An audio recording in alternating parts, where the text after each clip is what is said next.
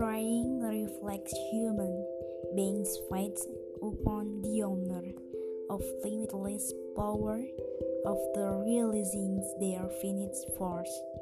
Finally, praying isn't about fulfilled wishes or not, but on Mike and trust on the Master.